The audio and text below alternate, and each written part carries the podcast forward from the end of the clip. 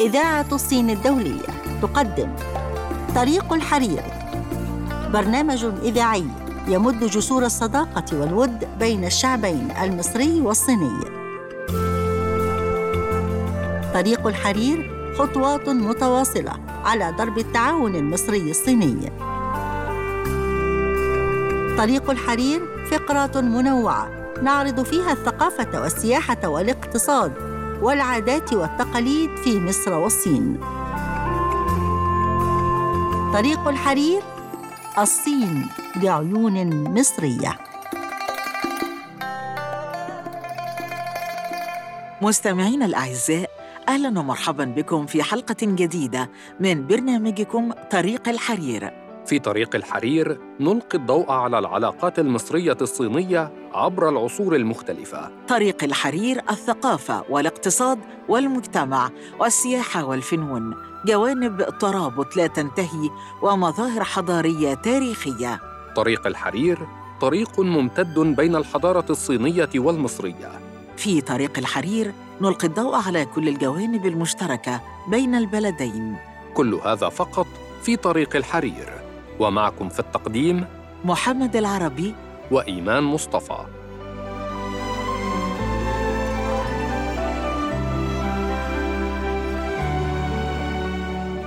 والآن أعزائي المستمعين مع فقرة الصين بعيون عربية والتي نتعرف من خلالها على كيفية نطق اللغة الصينية من خلال الاستماع إلى بعض الكلمات الصينية ومعرفة معنى تلك الكلمات.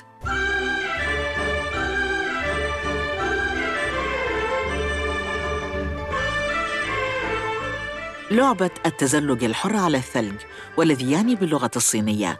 滑雪 نشأت لعبة التزلج الحر على الثلج في ستينات القرن العشرين وأدرجت في الألعاب الأولمبية الشتوية في عام 1992 ويضم التزلج الحر على الثلج سباق التزلج الهوائي الذي أدرج في الألعاب الأولمبية عام 1994 بالإضافة إلى سباق التزلج الحر الذي أدرج في عام 1992 وسباق البالي على الثلج الذي أدرج بوصفه عرضاً أولمبياً في عامي 1988 و 1992 وأصبح ضمن المنافسات الأولمبية رسمياً في عام 1994 مستمعينا الكرام وصلنا إلى ختام فقرتنا الصين بعيون عربية. فاصل قصير يعود بعده الزميل محمد العربي والفقرة التالية في برنامجكم طريق الحرير فكونوا معنا.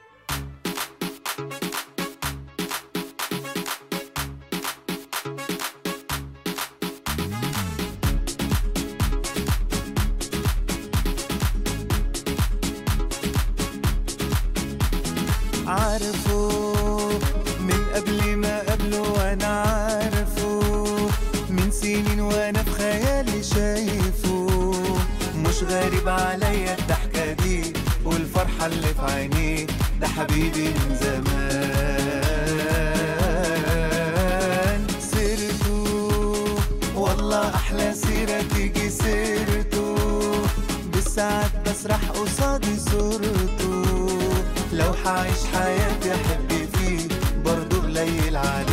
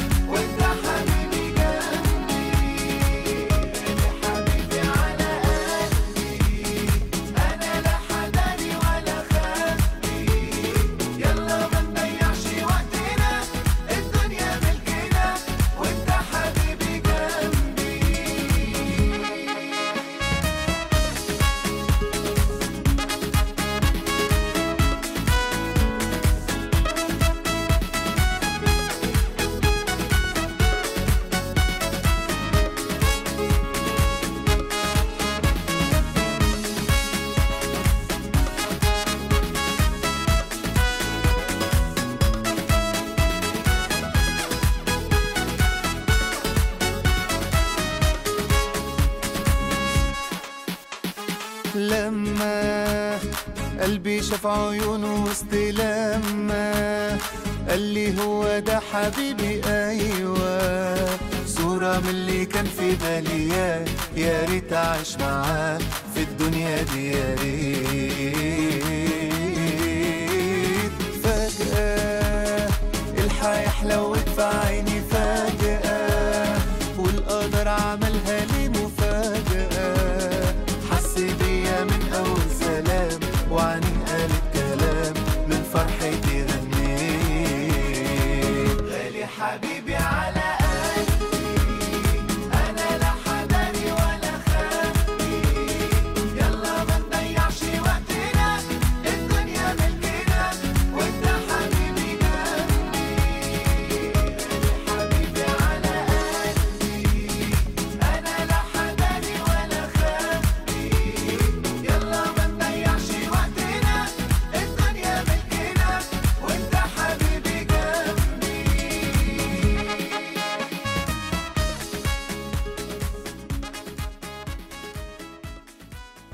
أهلا بكم مستمعينا الأعزاء وموعدنا الآن مع فقرة المجتمع.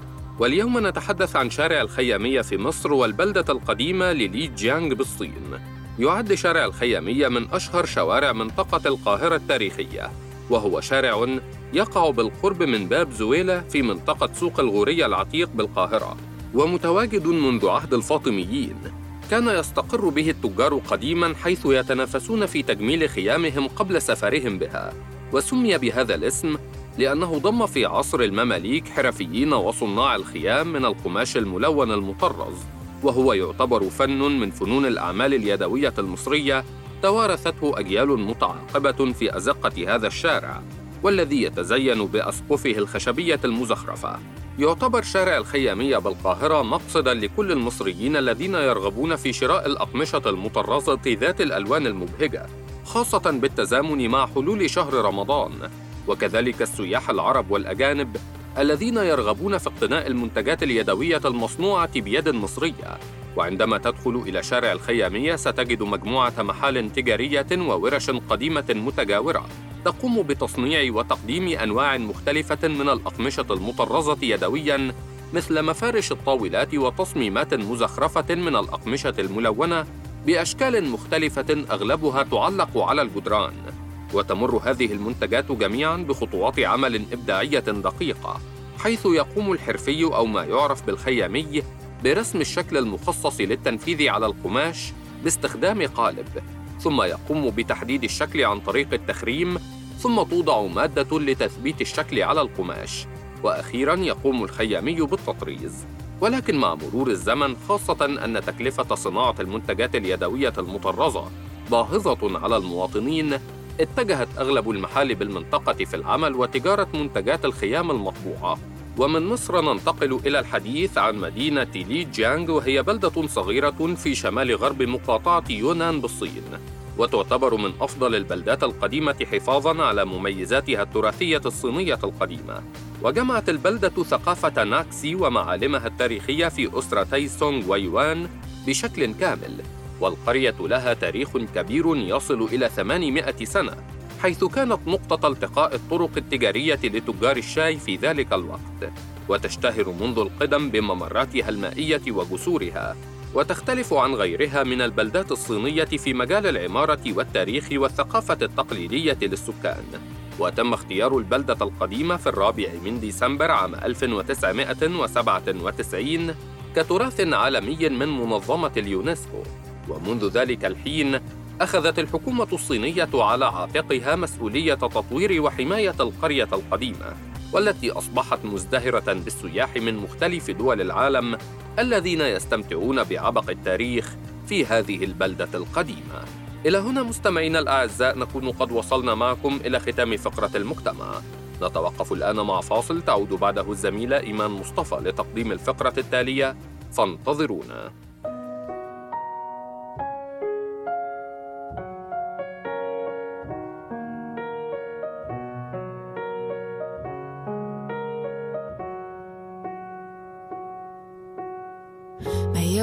点防备，也没有一丝顾虑，你就这样出现在我的世界里，带给我惊喜，情不自已。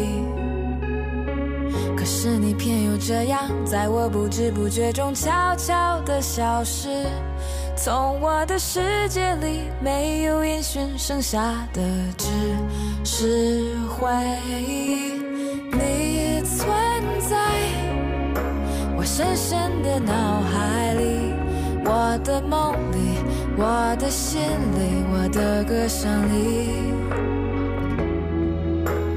你存在我深深的脑海里，我的梦里，我的心里，我的歌声里。记得我们曾经肩并肩一起走过那段繁华巷口，尽管你我是陌生人，是过路人，但彼此还是感觉到了对方的一个眼神，一个心跳，一种意想不到的快乐，好像是一场梦境，就注定你存在。我深深的脑海里我的梦里我的心里我的歌声里。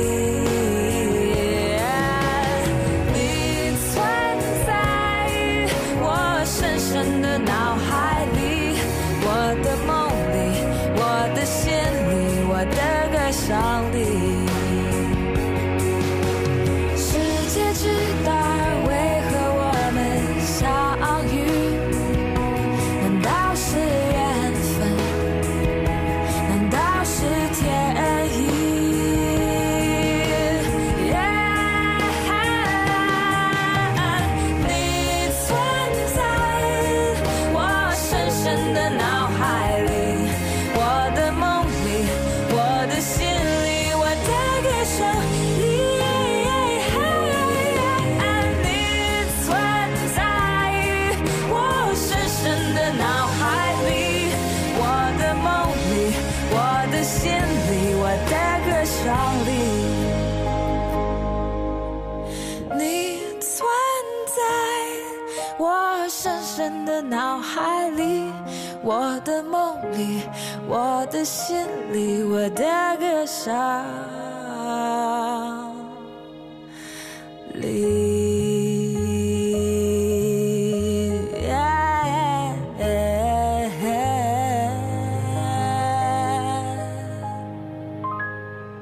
عدنا معكم من جديد مستمعي طريق الحرير ومع فقرتنا الاقتصادية.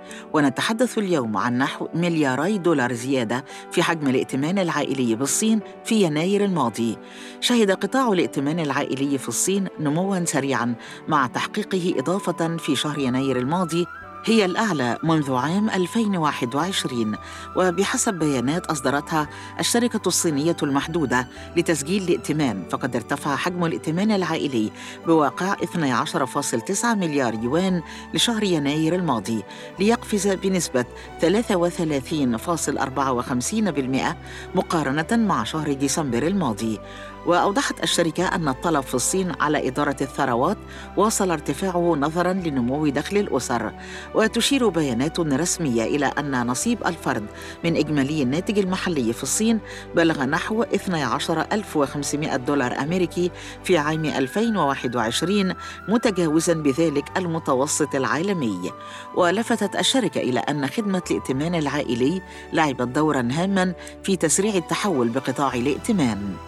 وفي الاقتصاد أيضا ارتفاع صادرات مصر من القطن الخام تتجاوز 25 مليون دولار في شهر واحد فقد ارتفعت الصادرات المصرية من القطن الخام بشكل ملحوظ في الفترة الأخيرة حيث بلغت قيمة الصادرات المصرية من القطن الخام نحو 25 مليون و984 ألف دولار في شهر نوفمبر الماضي مرتفعا من 21 مليون و546 ألف دولار في شهر نوفمبر عام 2020 بزيادة بلغت قيمتها نحو 4 ملايين و438 ألف دولار. ورصدت البيانات الصادرة عن الجهاز المركزي للتعبئة العامة والإحصاء أهم بنود الصادرات المصرية خلال تلك الفترة حيث بلغت قيمة صادرات المواد الخام نحو 167 مليون و939 ألف دولار في شهر نوفمبر الماضي مقابل 171 مليون و165 ألف دولار في نفس الشهر عام 2020 بتراجع طفيف بلغ نحو 3 ملايين و226 ألف دولار وبلغت قيمة الصادرات المصرية من السلع نصف المصنعة نحو 824 مليون و64 ألف دولار في نوفمبر الماضي مقابل 497 مليون و946 ألف دولار في نفس الشهر عام 2020 وسجلت الصادرات المصرية من الطاقة الكهربائية نحو مليوني وثمانمائة وثلاثة وأربعين ألف دولار في شهر نوفمبر الماضي بينما كانت نحو مليوني ومئتين وتسعة وثلاثين ألف دولار في شهر نوفمبر عام 2020 بزيادة بلغت نحو 604 ألف دولار. وسجلت قيمة الصادرات المصرية الإجمالية نحو 4 مليارات و476 مليون و559 ألف دولار في شهر نوفمبر الماضي بينما كانت 2 مليار و478 مليون و748 ألف دولار في نفس الشهر عام 2020 بزيادة بلغت نحو مليار و997 مليون و811 ألف دولار. إلى هنا أعزائنا المستمعين نصل إلى ختام فقرة الاقتصاد. فاصل قصير ويعود بعده الزميل محمد العربي والفقرة التالية في برنامجكم طريق الحرير. فابقوا معنا. طبع الشتاء بيعلم القلب الحنين. بيعلمك تشتاق لناس مش موجودين.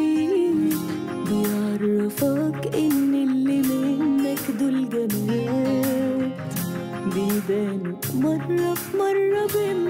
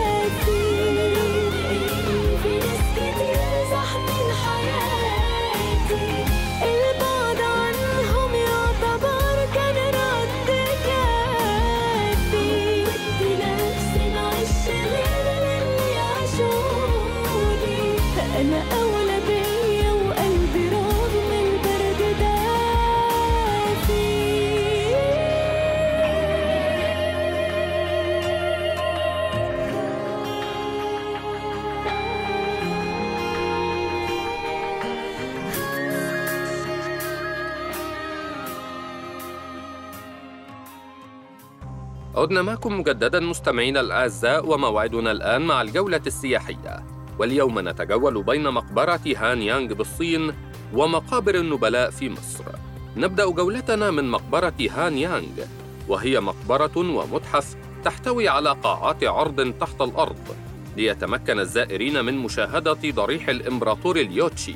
الذي حكم الصين بين عامي 188 إلى 141 قبل الميلاد وهو من سلالة هان الصينية بالإضافة لمقابر زوجته وأسرته وكبار المسؤولين والعبيد الذين بنوا المقبرة أيضاً.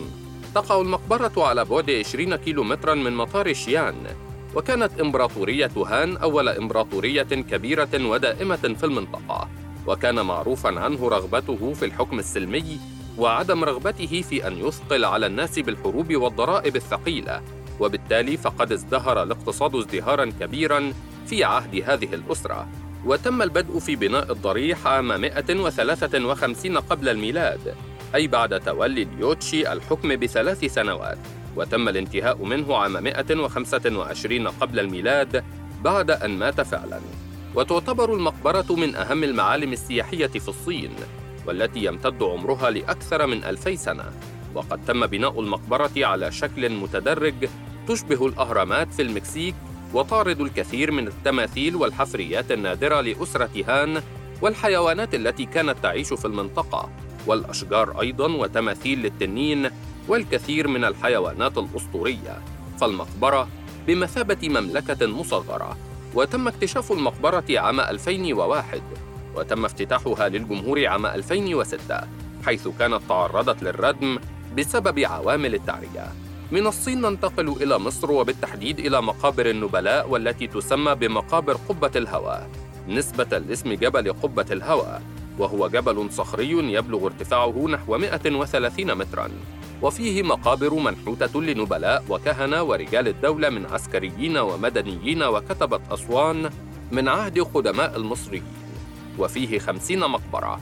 تقع مقابر النبلاء بالبر الغربي للنيل بمدينة أسوان والتي تمثل تحفة جمالية تاريخية مواجهة لكورنيش النيل. خاصة بعد أن تم منذ سنوات تنفيذ مشروع إنارة للبر الغربي ومقابر النبلاء. كما أن مقابر النبلاء منحوتة في الصخر الرملي وترجع إلى العصور القديمة ولها أهمية تاريخية تضعها في صدارة المقابر بصعيد مصر.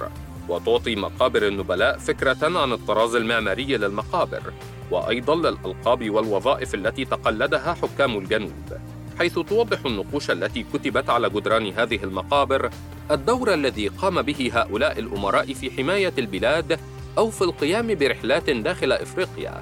وفي استعراض ووصف لهذه المقابر نجد أنها تبدأ بممر رملي صاعد يؤدي إلى المدخل تليه مباشرة صالة المقبرة التي تستند على أعمدة مقطوعة في الصخر. وإلى هنا مستمعينا الأعزاء نكون قد وصلنا معكم إلى ختام جولتنا السياحية. نتوقف الآن مع فاصل. تعود بعده الزميلة إيمان مصطفى لتقديم الفقرة التالية. فانتظرونا. أنا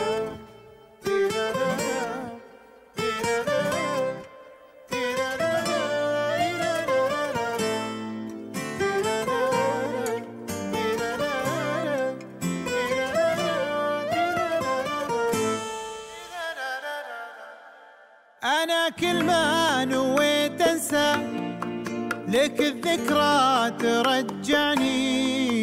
ترى للحين أنا أحبك وأشوفك بين حين وحين. فراقك آه يا فراقك كسر قلبي وعذبني. وأنا نذر علي أبقى أحبك لين يوم. أنا كل ما نويت أنسى لك الذكرى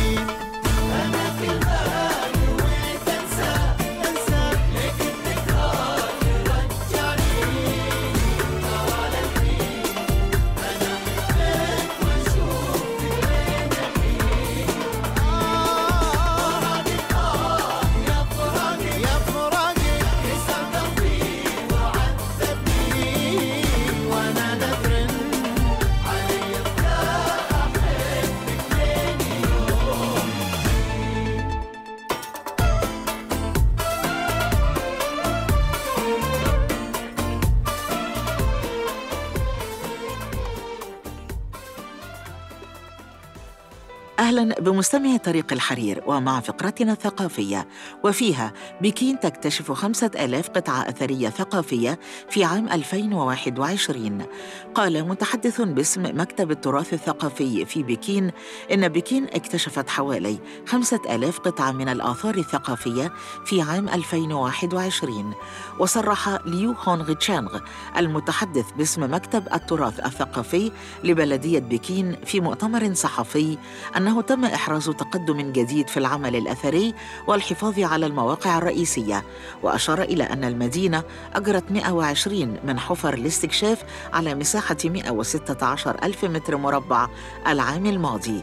وتابع أن أربعة مواقع أثرية في بكين موقع تشوكو ديان وموقع نهر اليوليخي ومقبرة داباو تاي لأسرة هان وضريح دنغلينغ لأسرة مين تم اختيارها من بين أفضل 100 اكتشاف أثري في الصين. وقال ليو إن أول موسم آثار عام في بكين أقيم بنجاح لخلق المزيد من الوعي العام بعلم الآثار مشيرا إلى أنه سيتم بذل المزيد من الجهود لدفع تنمية مشروعات التراث الثقافي في العاصمة الصينية هذا العام. وفي الثقافة أيضا نتحدث عن موقع أجنبي يلقي الضوء على اكتشاف آنية التحنيط في مقبرة أبو صير بسقارة.